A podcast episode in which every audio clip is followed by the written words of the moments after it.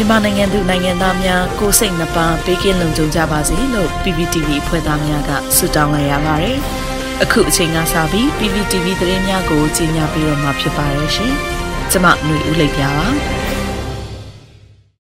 အမျိုးသားညီညွတ်ရေးအစိုးရ NUG နဲ့ချင်းအမျိုးသားတပ်ဦး CNF တို့အကြားနှစ်ဖက်သဘောတူညီချက်ကိုလက်မှတ်ရေးထိုးခဲ့တဲ့တဲ့ရင်ကိုတင်ဆက်ပေးမှာဖြစ်ပါတယ်။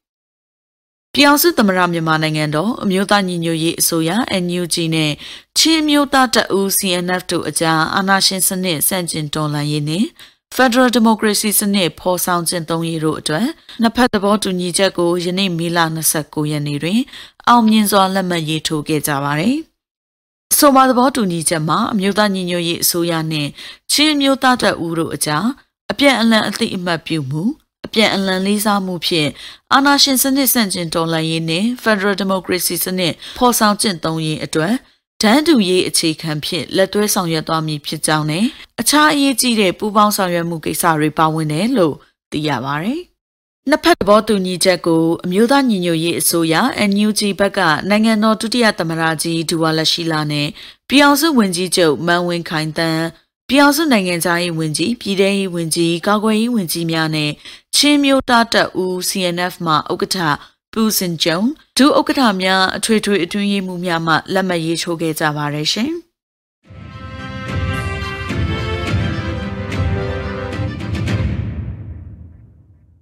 အမျိုးသားညီညွတ်ရေးအစိုးရနဲ့ဂျပန်နိုင်ငံလွှတ်တော်ကိုယ်စားလှယ်ဖွဲ့တို့ပူးတွဲကြေညာချက်ထုတ်ပြန်လိုက်တဲ့သတင်းကိုတင်ဆက်ပေးသွားမှာဖြစ်ပါတယ်။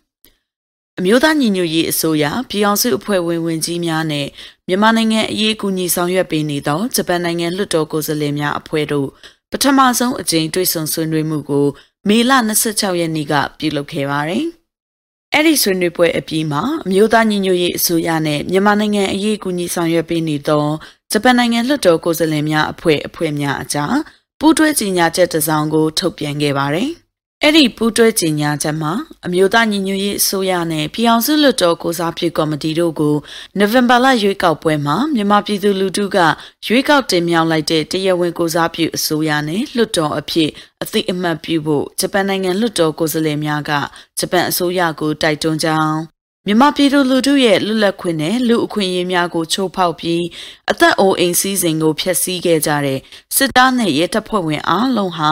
ထိုက်တန်သောတရားစီရင်မှုရရှိတင်ကြောင်းကြေညာပြီးထို့သောကျူးလွန်ခဲ့သူများကိုအပြည့်ပြည့်ဆိုင်ရာစစ်ရာဇဝင်ခုံရုံးအပါအဝင်မြတ်တာသောတရားစီရင်မှုအောက်တွင် ထိရောက်သောပြည်ထများချမှတ်နိုင်ရေးဆောင်ရွက်ကြဖို့ဂျပန်အစိုးရနှင့်အပြည်ပြည်ဆိုင်ရာလူအဖွဲ့အစည်းများကိုမိမိတို့တိုက်တွန်းပါကြောင်း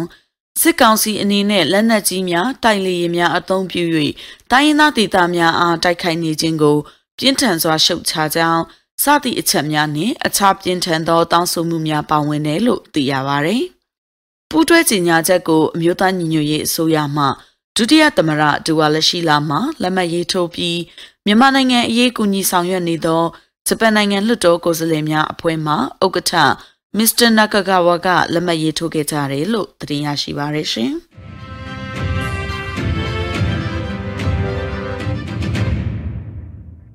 အခုဆက်လက်ပြီးမြန်မာပြည်သူတွေရဲ့တောင်းဆိုချက်အတိုင်းလှုပ်ဆောင်သွားမယ်လို့ဂျပန်နိုင်ငံသားရေးဝန်ကြီးကပြောဆိုလိုက်တဲ့သတင်းကိုတင်ဆက်ပေးသွားပါမယ်။အခက်အခဲတွေနဲ့ရင်ဆိုင်ကြုံတွေ့နေရတဲ့မြန်မာလူထုရဲ့တောင်းဆိုချက်အတိုင်းဂျပန်နိုင်ငံကတုံ့ပြန်လှုပ်ဆောင်သွားပါမယ်။မြန်မာအရေးဖြေရှင်းဖို့ဆိုရင်နိုင်ငံတကာအတိုင်းဝိုင်းရဲ့ပူးပေါင်းဆောင်ရွက်မှုဟာ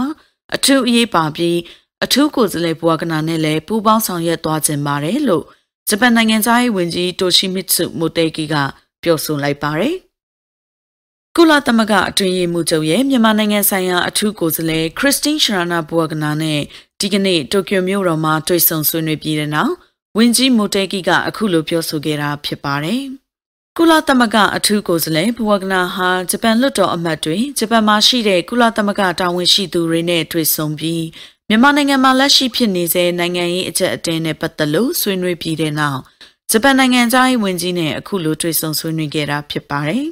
။မြန်မာစစ်အာဏာသိမ်းမှုနဲ့တိုင်းပြည်အတွင်းအကြမ်းဖက်ဖြစ်ရပ်တွေကိုကင်တွယ်ဖြေရှင်းရေးဂျပန်နိုင်ငံအနေနဲ့ကုလသမဂ္ဂနဲ့ပူးပေါင်းဆောင်ရွက်ချင်ပါတယ်လို့ဝန်ကြီးမိုတေကီကပြောဆိုခဲ့ပါတယ်။ကုလသမဂ္ဂအထူးကိုယ်စားလှယ်ဘူဝကနာကလည်းဂျပန်အစိုးရရဲ့ပူးပေါင်းဆောင်ရွက်မှုအတွက်ကျေးဇူးတင်တဲ့အကြောင်းနဲ့ဆက်လက်ဆွေးနွေးပြောဆိုသွားဖို့မျှော်လင့်ထားကြောင်းပြောပါရယ် မြန်မာနိုင်ငံမှာစစ်အာဏာသိမ်းမှုကိုစန့်ကျင်ဆန္ဒပြနေသူတွေဟာကိုကိုကိုခုခံကာကွယ်ရာကနေပြန်လည်တိုက်ခိုက်ရေးဘက်ကိုစာပြီးပြောင်းလဲလာကြပြီဖြစ်တဲ့အတွက်ပြည်ရင်းစစ်ဖြစ်လာနိုင်ခြေရှိနေပြီလို့ Miss Buagna ကထပ်ပြီးသတိပေးပြောဆိုခဲ့တာတွေ့ရပါတယ်။မြန်မာနိုင်ငံရဲ့ကျန်းမာရေးကဏ္ဍဟာရိုင်းနေလာနေပြီး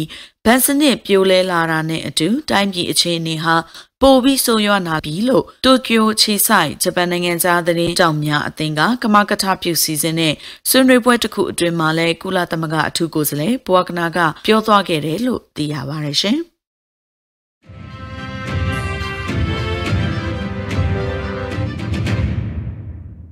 ဂျပန်ရောက်မြန်မာနိုင်ငံသားတွေကိုနေထိုင်ခွင့်6လဆက်ပေးသွားမယ်လို့ဂျပန်တရားရေးဝန်ကြီးပြောဆိုလိုက်တဲ့သတင်းကိုတင်ဆက်ပေးပါမယ်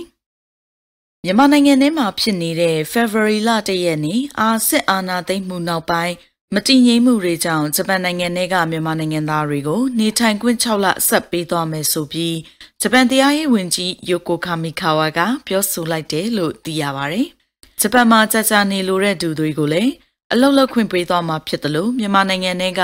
အခြေအနေမတိုးတက်လာဘူးဆိုရင်အခုလိုအရေးပေါ်အစီအမံကိုမြန်မာနိုင်ငံသားတွေအတွက်သက်တမ်းထပ်တိုးပေးသွားမယ်လို့ဂျပန်လူမှုဝန်ကြီးချက်ရေးအာဏာပိုင်တွေကပြောပါရယ်ပြည်ပကနေလာရောက်နေနိုင်တဲ့လူပုဂ္ဂိုလ်တဦးချင်းတယောက်ချင်းစီရဲ့အခြေအနေတွေကိုလိုက်ပြီးပြုတ်လွယ်ပြောင်းလွယ်ဖြစ်အောင်ကျမတို့တုံးသက်လှုပ်ဆောင်သွားမှာပါလို့တရားရေးဝန်ကြီးကသတင်းစာရှင်းလင်းပွဲမှာပြောဆိုခဲ့တယ်လို့သိရပါတယ်ရှင်။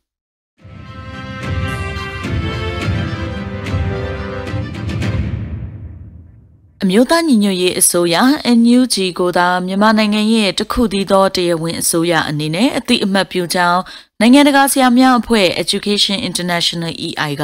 နိုင်ငံတကာအလုပ်သမားများအဖွဲ့ ILO ရဲ့အထွေထွေအတွင်းရေးမှူးချုပ်စီရေးတဲ့စာမှာဖော်ပြခဲ့တဲ့ဆိုတဲ့သတင်းကို တင်ပြပေးမှာဖြစ်ပါတယ်။နိုင်ငံတကာဆရာများအဖွဲ့ Education International EI ကနိုင်ငံတကာအလုပ်သမားများအဖွဲ့ ILO ရဲ့အထွေထွေအတွင်းရေးမှူးချုပ်စီ စစ်ကောင်စီနဲ့ပတ်သက်တဲ့ကိုယ်စားလှယ်တွေကိုအတိအမှတ်မပြုဖို့စာပေးပို့ခဲ့တဲ့အကြောင်းအမျိုးသားညီညွတ်ရေးအစိုးရပညာရေးဝန်ကြီးဌာနဒုတိယဝန်ကြီးဒေါက်တာဆိုင်းခိုင်မျိုးထွန်းထံမှသိရပါဗျ။စစ်ကောင်စီကအပြစ်မဲ့ပြည်သူများစွာကိုရဲရဲဆက်ဆက်တပ်ဖြတ်ခဲ့ကြောင်းနဲ့လူပေါင်း9000ကျော်ကိုဥပဒေမဲ့ဖမ်းဆီးထောင်ချခဲ့ကြောင်းနဲ့ဆရာဆရာမများအပါအဝင်ပြည်သူဝန်ထမ်းပေါင်းများစွာကိုဖိနှိပ်အလုထုတ်ခဲ့ကြောင်းပေးစာမှာဖော်ပြထားတယ်လို့ပြောပါရယ်။ ILO ကိုစာမပို့ခင် April 19ရက်နေ့ကတည်းကနိုင်ငံတကာဆရာများအဖွဲ့ EI အနေနဲ့အကြမ်းဖက်စစ်ကောင်စီကိုရှုံချကြောင်းအာနာသိန်းစစ်ကောင်စီရဲ့ခေါင်းဆောင်တွေနဲ့သူတို့ရဲ့အကျိုးစီးပွားတွေကိုပိတ်ဆို့အရေးယူဖို့လိုအပ်ကြောင်းအကြမ်းဖက်လုပ်ရက်တွေကျူးလွန်လာစေဖို့ဤပညာနဲ့စစ်လက်နက်ပစ္စည်းထောက်ပံ့နေသူတွေကိုဖော်ထုတ်အရေးယူဖို့လိုအပ်ကြောင်း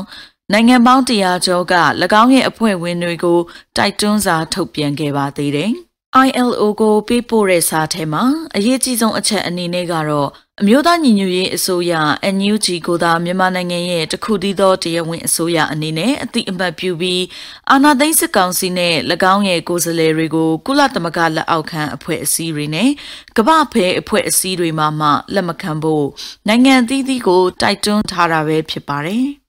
နိုင်ငံတကာဆရာများအဖွဲ့ဟာကမ္ဘာတဝန်းရှိနိုင်ငံနဲ့နယ်မြေ